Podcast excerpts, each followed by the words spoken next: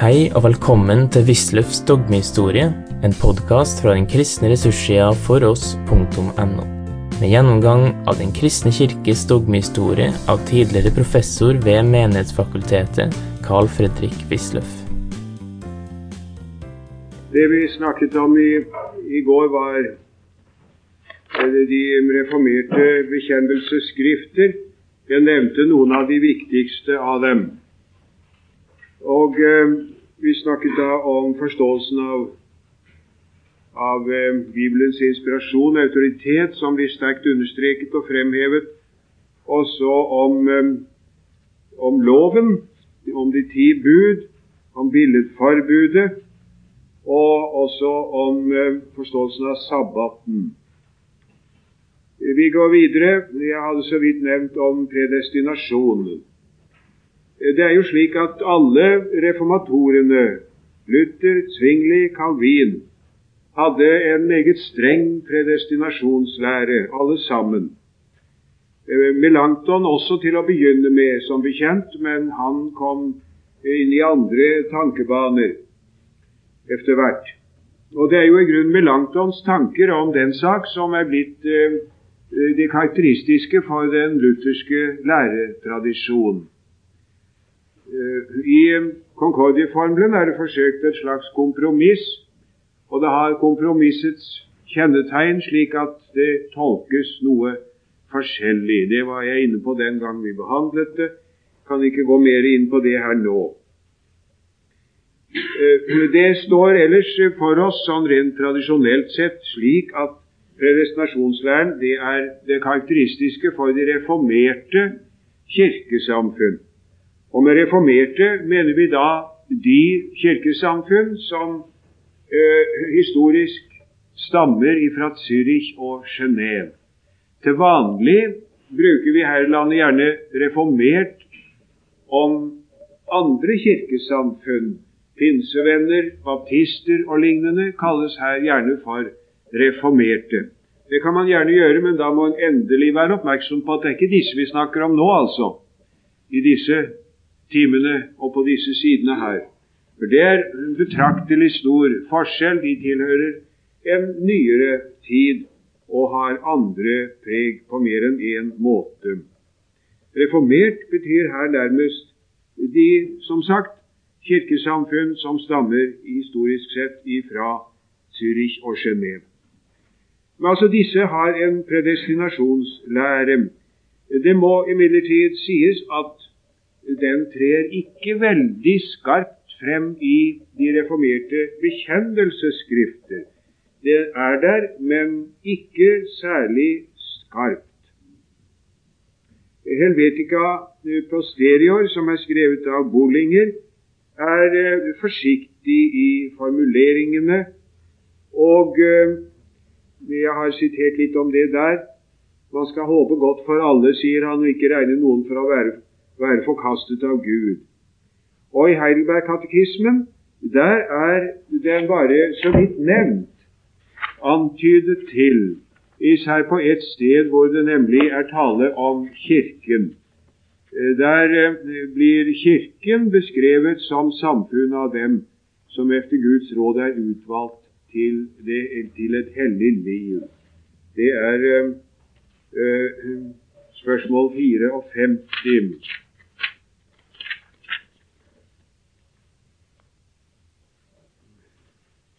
Det er ähm, Was glaubest du von der heiligen allgemeinen christlichen Kirche, dass der Sohn Gottes aus dem ganzen menschlichen Geschlechte sich eine auserwählte Gemeinde zum ewigen Leben durch seinen Geist und Wort in Einigkeit des wahren Glaubens von Anbeginn der Welt bis ans Ende versammle, schütze und erhalte, und dass ich derselben ein lebendiges Glied bin und ewig bleiben werde.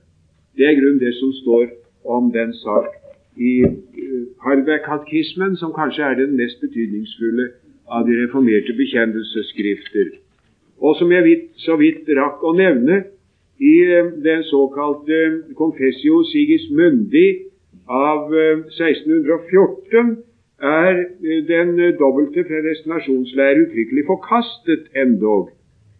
Det var den brandenburgske kurfyrste som gikk over til den reformerte tro i 1613. Det var hans undersåtter, de fleste av dem, ikke glad for, for de var lutheranere. Og det er opphavet til de mange vanskeligheter i Brandenburg, senere i Prøysen. Det er bakgrunnen for eh, det brandenburgske fyrstehusets forsøk på å tvinge lutheranere og reformerte sammen i et kirkesamfunn, den prøyssiske union. Men her altså bekjenner da Hans gudfyrstelige nåde sin tro. Og med hensyn til, til eh, predestinasjonen så tar han avstand fra den tanke at Gud ikke ville at alle skulle bli frelst. Gud vil at alle skal bli frelst, eh, heter det da her. Så de tre i grunnen atskillig tilbake i bekjennelsesskriftene. Litt mer om det senere i denne timen. Nå om rettferdiggjørelseslæren. Den er klart forensisk, dvs. Si den er formet slik at vi rettferdiggjørelsen er skildret som en dom. For Guds domstol blir synderen frikjent, og dette er rettferdiggjørelsen. Troen er virket av Ånden, og den er organ for å ta imot Kristi rettferdighet. I eh, Hardenberg-katekismen er dette veldig fint uttrykt i grunnen. Vi bist du gerecht vor Gott, allein durch wahren Glauben in Jesum Christum, also dass, ob mich schon mein Gewissen anklagt, dass ich wieder alle Gebote Gottes schwerlich gesündiget und desselben keines je gehalten habe, auch noch immer da zu allem Bösen geneigt bin, doch Gott ohne all mein Verdienst aus lauter Gnaden mir die vollkommene Genugtuung, Gerechtigkeit und Heiligkeit Christi schenket und zurechnet, als hätte ich nie eine Sünde begangen noch gehabt, und selbst allen den Gehorsam vollbracht, den Christus für mich hat geleistet, wenn ich allein solche Wohltat mit gläubigem Herzen annehme. Vi kjenner igjen i Pontoppidans forklaring uttrykket som om jeg aldri hadde syndet, als hätte ich nie eine Sünde begangen noch gehabt. Troen kommer altså bare i betraktning som eh, et organ. Den er for å ta imot denne frikjennelsesdom som gis for Kristi skyld. Eh, kirken er Køtus fidelium, er de troendes samfunn, akkurat som i eh, Augustana 7, for så vidt. Køtus um, fidelium. Den på reformasjon, I reformasjonstiden har eh, bestemmelsene alltid en personal karakter, og det skal vi merke oss. Det er ikke institusjonen som skyves i forgrunnen, men menneskene. Køtus fidelium. Den sanne kirke er samfunnet av de troende. Og denne er invisibilis. Det betyr ikke at den ikke kan påtreffes her i verden, men det betyr at det bare er Gud som med visshet kan vite eh, om alle er sanne troen. I den forstand er den invisibilis. Eh, ikke alle som er i Kirken, hører Kirken til. Non omne sunt ex ecclesia qui sunt in ecclesia. Det har for så vidt Luther også sagt så mange en gang. Eh, mange hyklere er med i den ytre, synlige kirke. De hører Guds ord og mottar sakramentene, men har ikke troen. Og Bollinger skriver da i eh, Helvet, eh, Helvetica Posterior ex ecclesia non sunt numerantur tamen in ecclesia. Det er temmelig likt med sånn som Melanchthon har uttrykt det i apologien til Augustana. Eh, men det blir derimot en forskjell i forhold til det lutherske når vi kommer til spørsmålet om Kirkens kjennetegn. Der er eh, man både på luthersk og reformert hold enige om at det viktigste kjennetegn er den rette forkynnelse av evangeliet og den rette bruk av sakramentene. Og Det er interessant å se at man på alle hold der gjør bruk av Johannes 10. Mine får høre min røst, og jeg kjenner dem, og de følger meg. Eh, dette personale bildet, Kristus som den gode hyrde og de troende som hans får, er brukt av alle reformatorene. Men så kommer det som skiller den reformerte fra den lutherske bestemmelse, for man føyer nemlig et tredje punkt til, og det er disiplina ecclesiastica ut vitia corrigantur, som det heter i Belgika. Det er, det er en kirkelige disiplin, dvs. Si en bestemt kirkeorden og en bestemt kirketokt eh, som eh, Kirken må ha for at det skal være en sann kirke. Den belgiske heter i de Debreys opprinnelige tekst, som er på fransk, der tales det om Le Marque pour connaître la vraie glissontel, og så nevnes La Pire prédication de évangile, og så er det eh,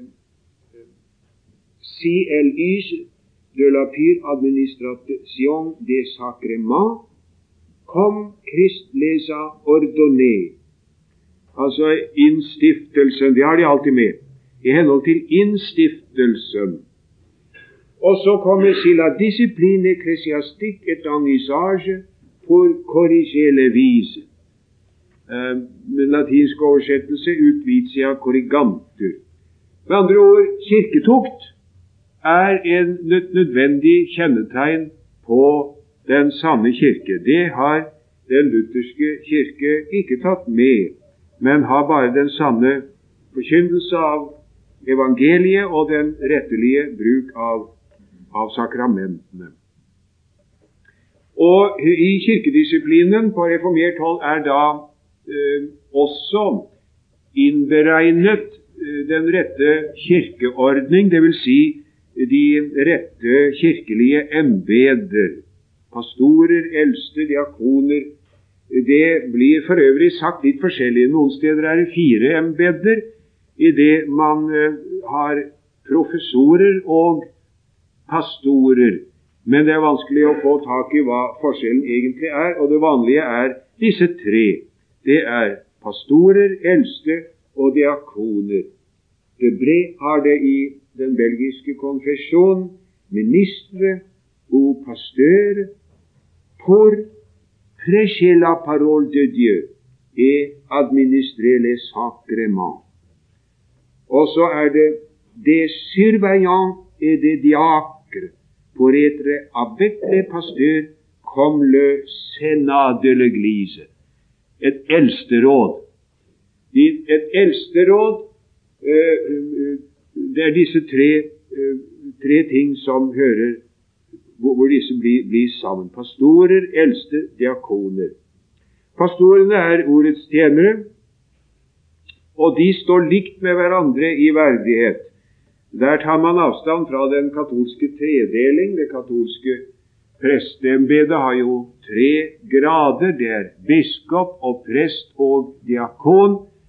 Det er Eh, noe som skal være der. Det er uh, jure divino, at det er tre slag, som er en, uh, under en synsvinkel en enhet.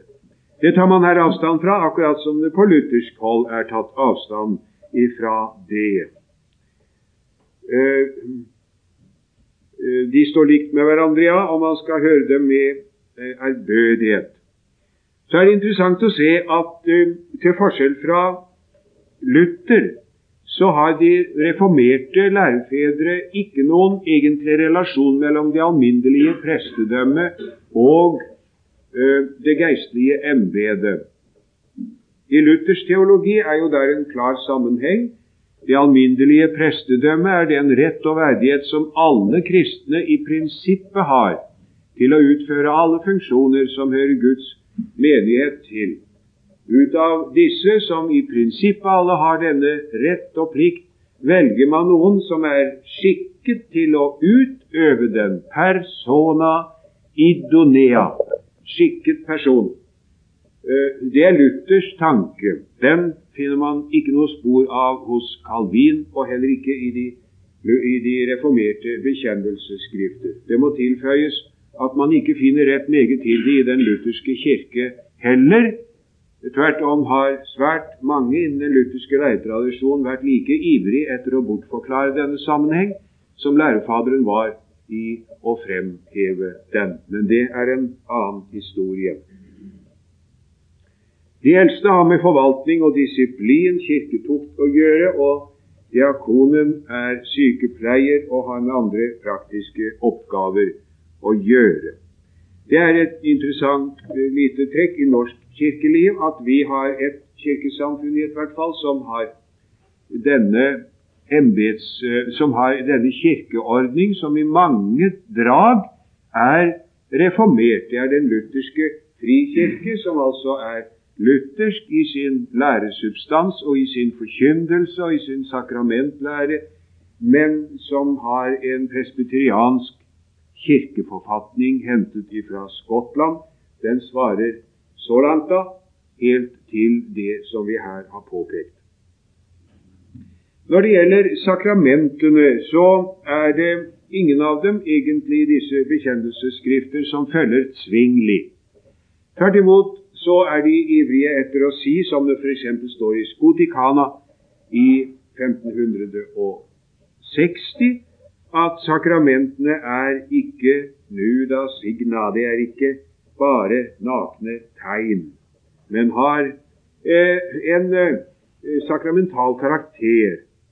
Og der følger man stort sett Calvin, som jo til forskjell fra Svingli regnet med at sakramentene eh, brakte nåde ifra Gud. Ganske visst ikke i, med og under, men samtidig med. Eh, Bollingers eh, Helvetica posterior har der en karakteristisk bruk av uttrykkene foris og intus. Skjelne mellom det som skjer utvortes, og det som skjer innvortes. Det er helt i overensstemmelse med Calvin, og det er i god sammenheng faktisk med Augustins sakrament. Nei, Det minnes så forbløffende om Augustin, um, og det er for så vidt ikke så forbløffende likevel, for man regnet seg jo som hans elever og disipler.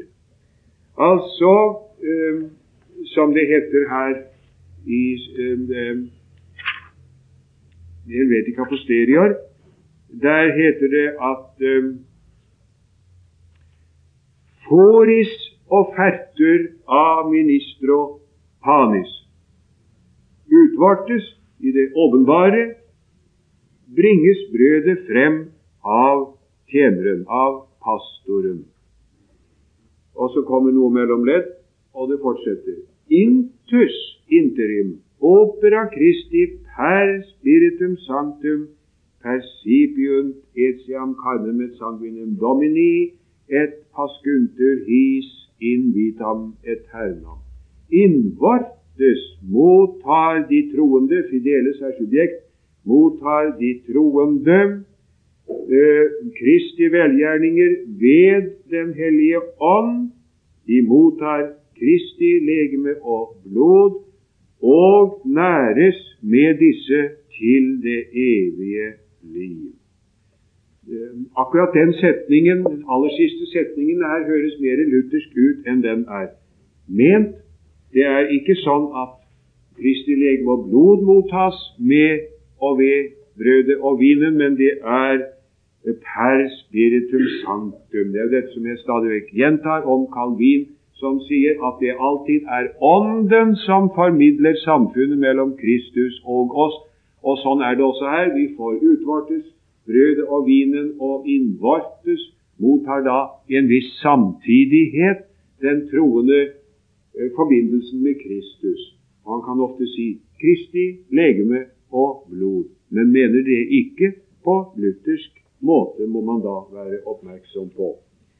Altså, utvortes skjer denne handling, innvortes har Den hellige ånd denne hemmelighetsfulle forbindelse med den troende. Det skjer samtidig, man kan si, to parallelle handlinger, en intus, en foris, i den sakramentale akt.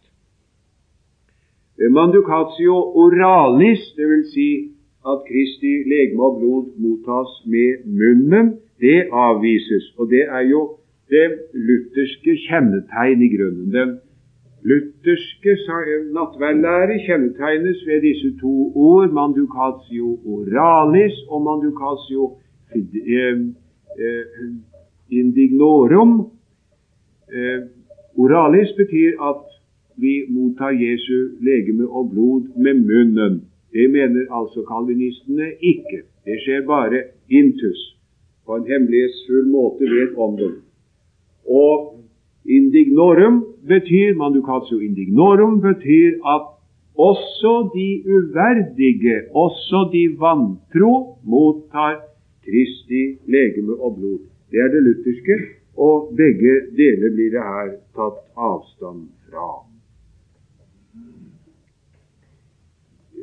Akkurat som det oppsto atskillige lærestridigheter i den lutherske leir, vi tenker da på den virvel av stridigheter som fikk sin relative avslutning i og ved Concordieformelen 1577, så var det på lignende måte også visse lærestridigheter på reformert hold.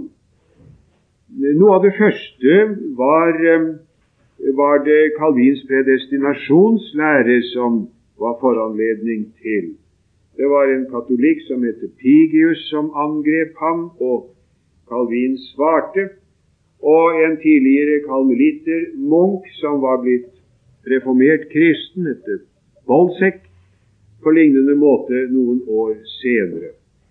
Eh, I sitt oppgjør med disse tar Calvin opp stadig flere og flere sider ved sin predestinasjonslære og utformer den stadig mer og mer konsekvent.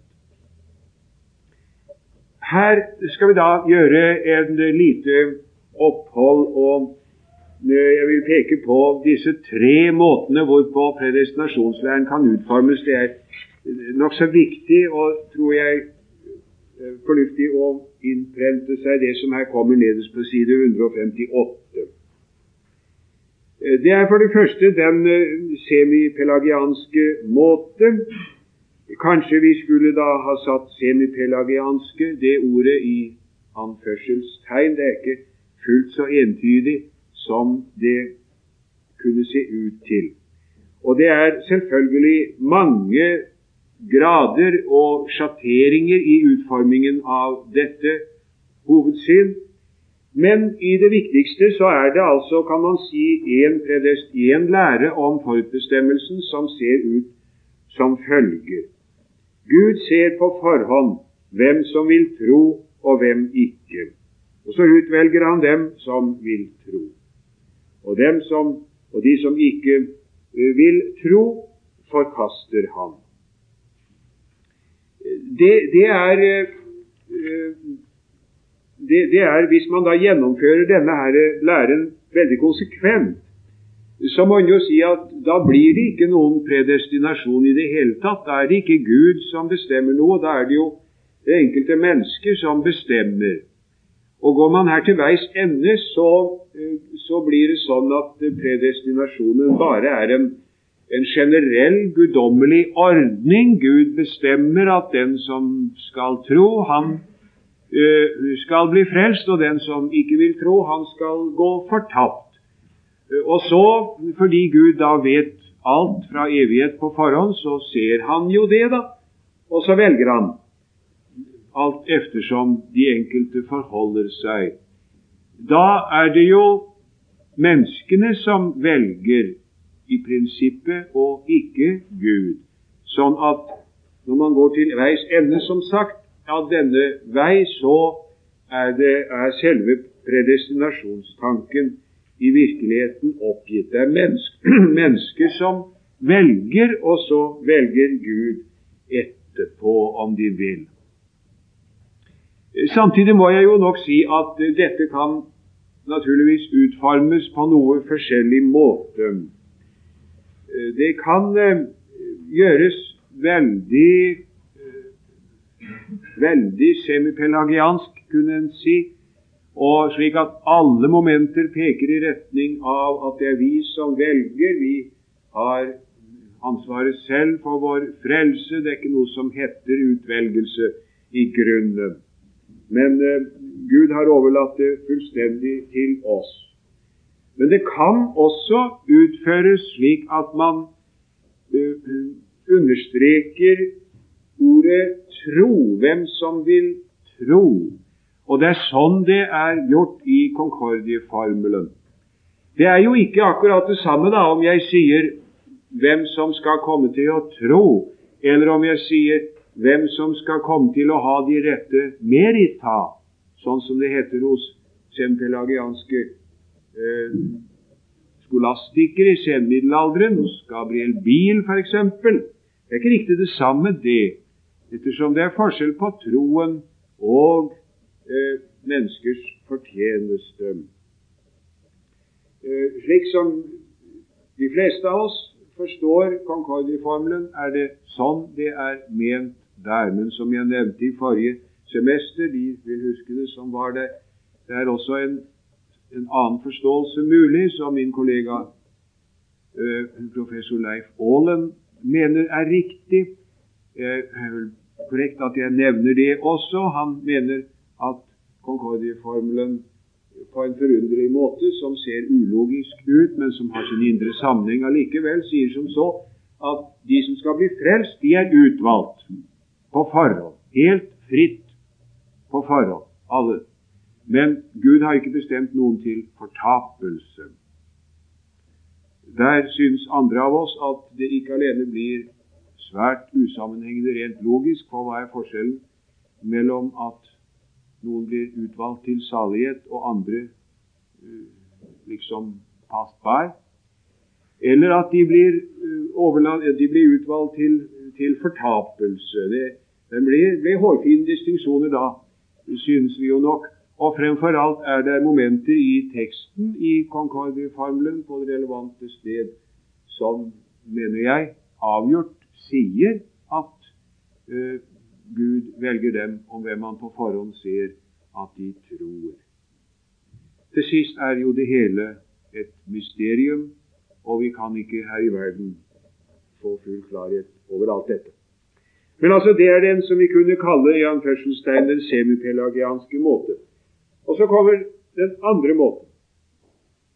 Gud bestemmer seg i evighet til å vise sin rettferdighet og sin barmhjertighet derved at han skaper verden, skaper mennesket i Guds bilde, lar dem falle i synd, sender Kristus for å frelse dem som han fritt har utvalgt, og overlater til andre til fortapelsen. Da er hele prosessen, kan du si, bestemt på forhånd. Da føyer det gjerne til ikke så at Gud vil synden, men det blir det svake punkt her for det skal hårfine distinksjoner til for å komme utenom den forferdelige eh, konsekvens som jo alle kristne viker tilbake fra, at Gud vil synde. Det kan vi ikke tenke. Men altså, man, man sier han, Gud vil ikke synden, men allikevel så heter det da på denne måten. Dette kalles den supralapsariske predestinasjonslære. Supralapsarisk er jo, som de ser, eh, sammensatt av supra og lapsus. Supra, som betyr før eller over, og lapsus, som betyr fall.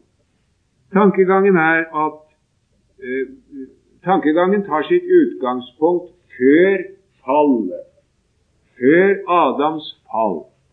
Eh, Gud, skap, Gud har bestemt alt dette før tallet. Derfor heter det supralapsarisk. Og så kommer den tredje mulighet. Gud bestemmer seg for å frelse en del av de falne mennesker ved Kristus, men overlater de andre til fortapelsen. Gud forutser de vantro synd, men har ikke villet dem. Han både forutser og virker i troendes tro. All menneskelig fortjeneste er utelukket. Her tar man sitt utgangspunkt etter etter fallet. Derfor kalles det infralapsarisk predestinasjonslære. Altså, i, i gamle reformerte dogmatiske fremstillinger, altså fra denne tid, så blir dette samtidig satt opp rent skjematisk. Jeg kan bare antyde det her. Eh, vi anmerker altså tanken sånn. Lapsus, det er Adams fall. Eh, før det har vi Guds evige råd. Det krever det i. Og så kommer skapelsen, og så kommer syndefallet, og så kommer da frelseshistorien i sine forskjellige ledd. Den supralapsariske predestinasjonslære, som er den strengeste, tar sitt utgangspunkt her. Den infralapsariske har sitt ut, tankemessige utgangspunkt der, altså infrafallet. Det er første suprafallet. Her er det blitt en feil i den teksten som følger etterpå, på side 159. Der står det ifølge oppfatning A. Rett det det skal stå ifølge oppfatning B. Og så to linjer nedenfor ifølge oppfatning C. Det er, det er nokså klargjørende hvis de da ser på disse latinske eh, termini som jeg har anført. Ifølge den supralapsariske teori så gjelder forutbestemmelsen homo creabilis et labilis. Mennesket som skal skapes og falle. Si. Eh, den andre, eh, altså punkt C, den intralapsariske, da gjelder den homo lapsus, det mennesket som er falt. Jeg håper at dette er forholdsvis, forholdsvis klargjørende. Er det noen spørsmål? Det er ikke så veldig, det er ikke så enormt viktig for den følgende historie som en kunne tenke. For um, samtlige reformerte bekjennelsesskrifter, eh, eller for å si det annerledes ingen av de reformerte bekjennelsesskrifter hevder den supralapsariske lær. De nøyer seg med den mildere infralapsariske lære. Hele dette tankeapparat Man kan spørre hvordan forholder Luther seg. Er han supralapsarisk eller infralapsarisk? Og til det er å svare at det, det, dette ikke, kan ikke appliseres på Luthers tanker i det hele tatt, etter min mening. Overhodet ikke. Det er sikkert nok at eh, Luther lærer en, en streng predestinasjonslære. Men for ham er det i grunnen sånn at uh, han kommer til sin predestinasjonslære derved at troen, som må ha noe å, å holde seg til utenom seg, fordi den fortviler på absolutt alt sitt eget. Denne troen finner omsider det siste feste i det at det står Han utvalgte meg i Kristus før verdens grunnvoll ble lagt. Ofte, sier Luther i De Servo Arbitrio 1525, ofte var jeg brakt like til fortvilelsens grense ved denne lære om Guds utvelgelse, inntil jeg lærte å forstå hvor sunn denne fortvilelse er, og hvor nær nåden den ligger. Altså, hele dette her har liksom et mer skal vi si, skolastisk, intellektuelt opplegg som ikke kan appliseres på tankegangen hos Luther, etter mitt syn. Det er altså den infralapsariske oppfatning som kommer til uttrykk i disse bekjennelsesskrifter, for så vidt der er noen i det hele tatt. Eh, så er det, så er det denne. Eh, Besa, altså de bes, Besa Calvins efterfølger og arvtaker i Genéve, eh, han tenkte supralapsarisk. Han er i grunnen den som har satt det i system først og fremst. Bollinger derimot kunne ikke døye denne, denne, denne lære. Og han hadde en stille anklage, eller i hvert fall et sterkt kritisk spørsmål til Calvin. Mener du at Gud er årsak til synden? Og Det er jo det spørsmål som uvilkårlig reiser seg overfor denne utforming. I Helvetica Aposteria finner vi Bollingers lære. Jeg har antydet til, hentydet til den allerede. Jeg siterer Gud har ikke utvalgt noen, nemlig underforstått Gud har ikke utvalgt uten middel, men i Kristus og for Kristi skyld, slik at de også er de utvalgte, de som ved troen er innplantet i Kristus. Forkastet er de som er utenfor Kristus. Og skjønt Gud vet hvem som er hans, og ofte taler om at de utvalgte er få, så bør vi dog ha godt håp for alle mennesker. Vene sperandum de omnibus og ikke lettvint regne noen til de forkastede. Dobbelt, et dobbelt nådevalg finner vi også hos Bollinger, ganske visst, men han formaner til ikke å forakte de midler ved hvilke Gud virkelig gjør sin providentia, Guds ord og sakramenter. Det kan jo da for så vidt minne mer om Luther igjen, et godt stykke på vei.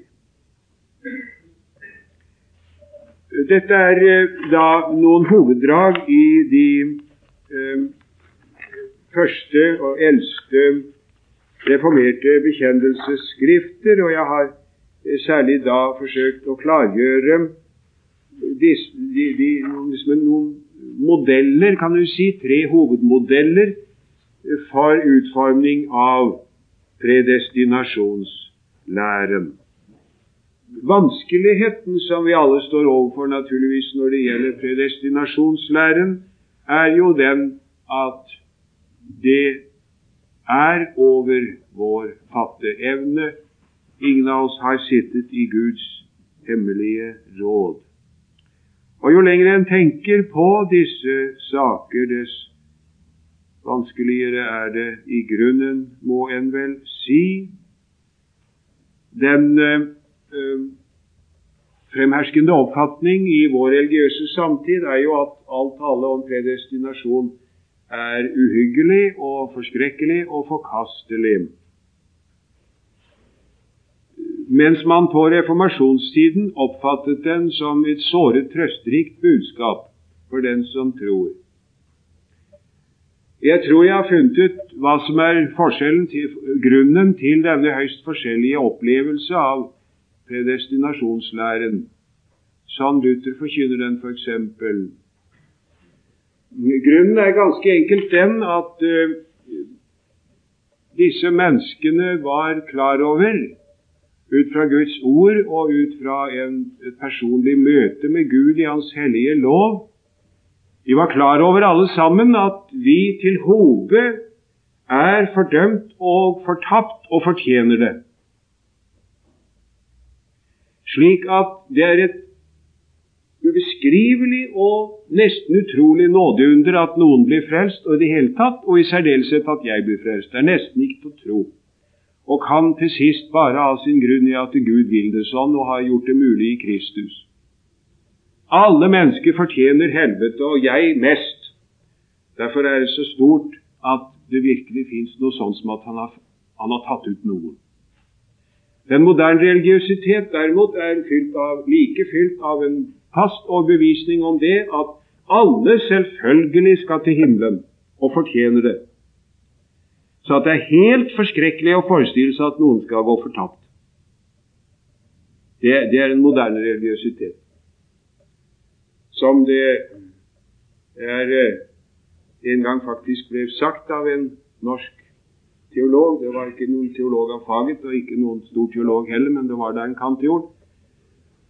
At eh, Gud har jo skapt oss alle sammen. Og så er vi jo Guds barn, da. Det er jo klart at man eh, ut ifra så vidt forskjellig opplevelse av hva det er å stå for Gud, også må oppleve tankene om et nådevalg så høyst forskjellig. Den sak er jo helt klar. Ja, ja. I forbindelse med denne predestinasjonslæren så kommer man tilbake til at uh, det må finnes en viss uh, supralapsarisk predestinasjonslære likevel. Eller en uh, viss predestinasjon, altså en forhåndsunnfallet. For um, ellers vil man komme i konflikt med Guds allmektighet og hans allvitenhet. Man kan jo spørre seg visste ikke Gud at menneskene ville falle da han har skapt? Om vi f.eks. tenker oss, uh, som det vel er belegg for i Bibelen, at uh, djevelen allerede hadde falt, men om åndsmakt, som allerede tidligere var skapt. Og så skapte han altså menneskeslekten. Og uh, menneskeslekten har ikke kjennskap til godt og vondt i begynnelsen. Den er helt, uh, man kan si, helt harmløs. Og så faller den altså i fristelse og kommer under den onde åndsmannens uh, innflytelse. Og siden, har det gående, altså. Så eh, kan vi ikke da tenke oss det at uh, i sin visdom, eller sin allvidenhet, vet Gud at det der kommer til å skje. Men i sin kjærlighet har han allerede besluttet at når det skjer, så skal man frelse menneskene. Ja. Jo, jeg, jeg forstår utmerket godt hva, de, der, hva, du sier, og det var et meget godt spørsmål. Det første der, nemlig at man først går inn på den tankebanen, så vil man havne i supralapsarisme i alle fall. Det var hva Gomarus sa. Jeg skal nevne han i morgen. Den store nederlandske reformerte teologen Gomarus. Akkurat det presis var det han sa. Han sa da har altså Gud skapt menneskene uten å vite hva han ville med dem, sa han. Han har skapt dem til et ubestemt mål, sa han. Til det svarte da de majoriteten som tenkte infralapsarisk, at man må uh, selvsagt gå ut fra at Gud fra evighet har visst alt. Men når vi skal tilrettelegge oss hele denne saken, så må vi ta vårt utgangspunkt tankemessig i situasjonen slik som den forholder seg efter fallet. Det, Gud har nok bestemt alt, men, men, men, men, altså tankemessig må vi, hvis vi ikke skal la Gud bli opphavet til, alt, til synd og alt ondt, tenke slik som situasjonen var efter fallet. Sånn sa de. Og for øvrig svarer ikke verken dere eller jeg for noe av dette. Jeg vet ikke hva de gjør, men jeg gjør det i hvert fall ikke og er glad for det. Jeg holder meg til den oppfatning som jeg mener å finne i Concordie-formelen. Jeg tror at uh, verken B eller C her er riktig, hvis jeg skal få lov å si en personlig mening. Uh, men en uh, variant av A, slik som jeg mener vi må finne den i, i Concordie-formelen. Slik at det der den, den lutherske læretradisjonen i det vesentlige har rett, faktisk, og ikke noen av disse, som vi leser. Men det er ikke så Det er ikke altså det, den, det synes liksom så lettvint for oss kanskje i vår lovsituasjon å tenke sånn Gud har naturligvis lagt det fulle ansvar for frelsen i våre hender, i menneskers hender. Men eh, så, så blir ikke det så veldig trøsterikt, det heller, når man ser nærmere efter. For menneskene er umodne, er utsatt for veldig store påkjenninger og ulike påkjenninger. Tenk på de miljømessige forskjeller og hva det hele er. Det går jo rundt for oss når vi skal forsøke å tenke noe mer konkret på alt dette. Det at da Gud liksom, ja, hadde nær sagt, sitter med, med armene i kors og ser hva som skjer, er heller ikke for en nærmere betraktning noen god tanke. Det hele er vanskelig, det er sikkert. Du har nå hørt Wisløffs dogmehistorie. Finn flere ressurser og vær gjerne med å støtte oss på foross.no. Følg også gjerne noen av våre andre podkaster, f.eks. Familielivet.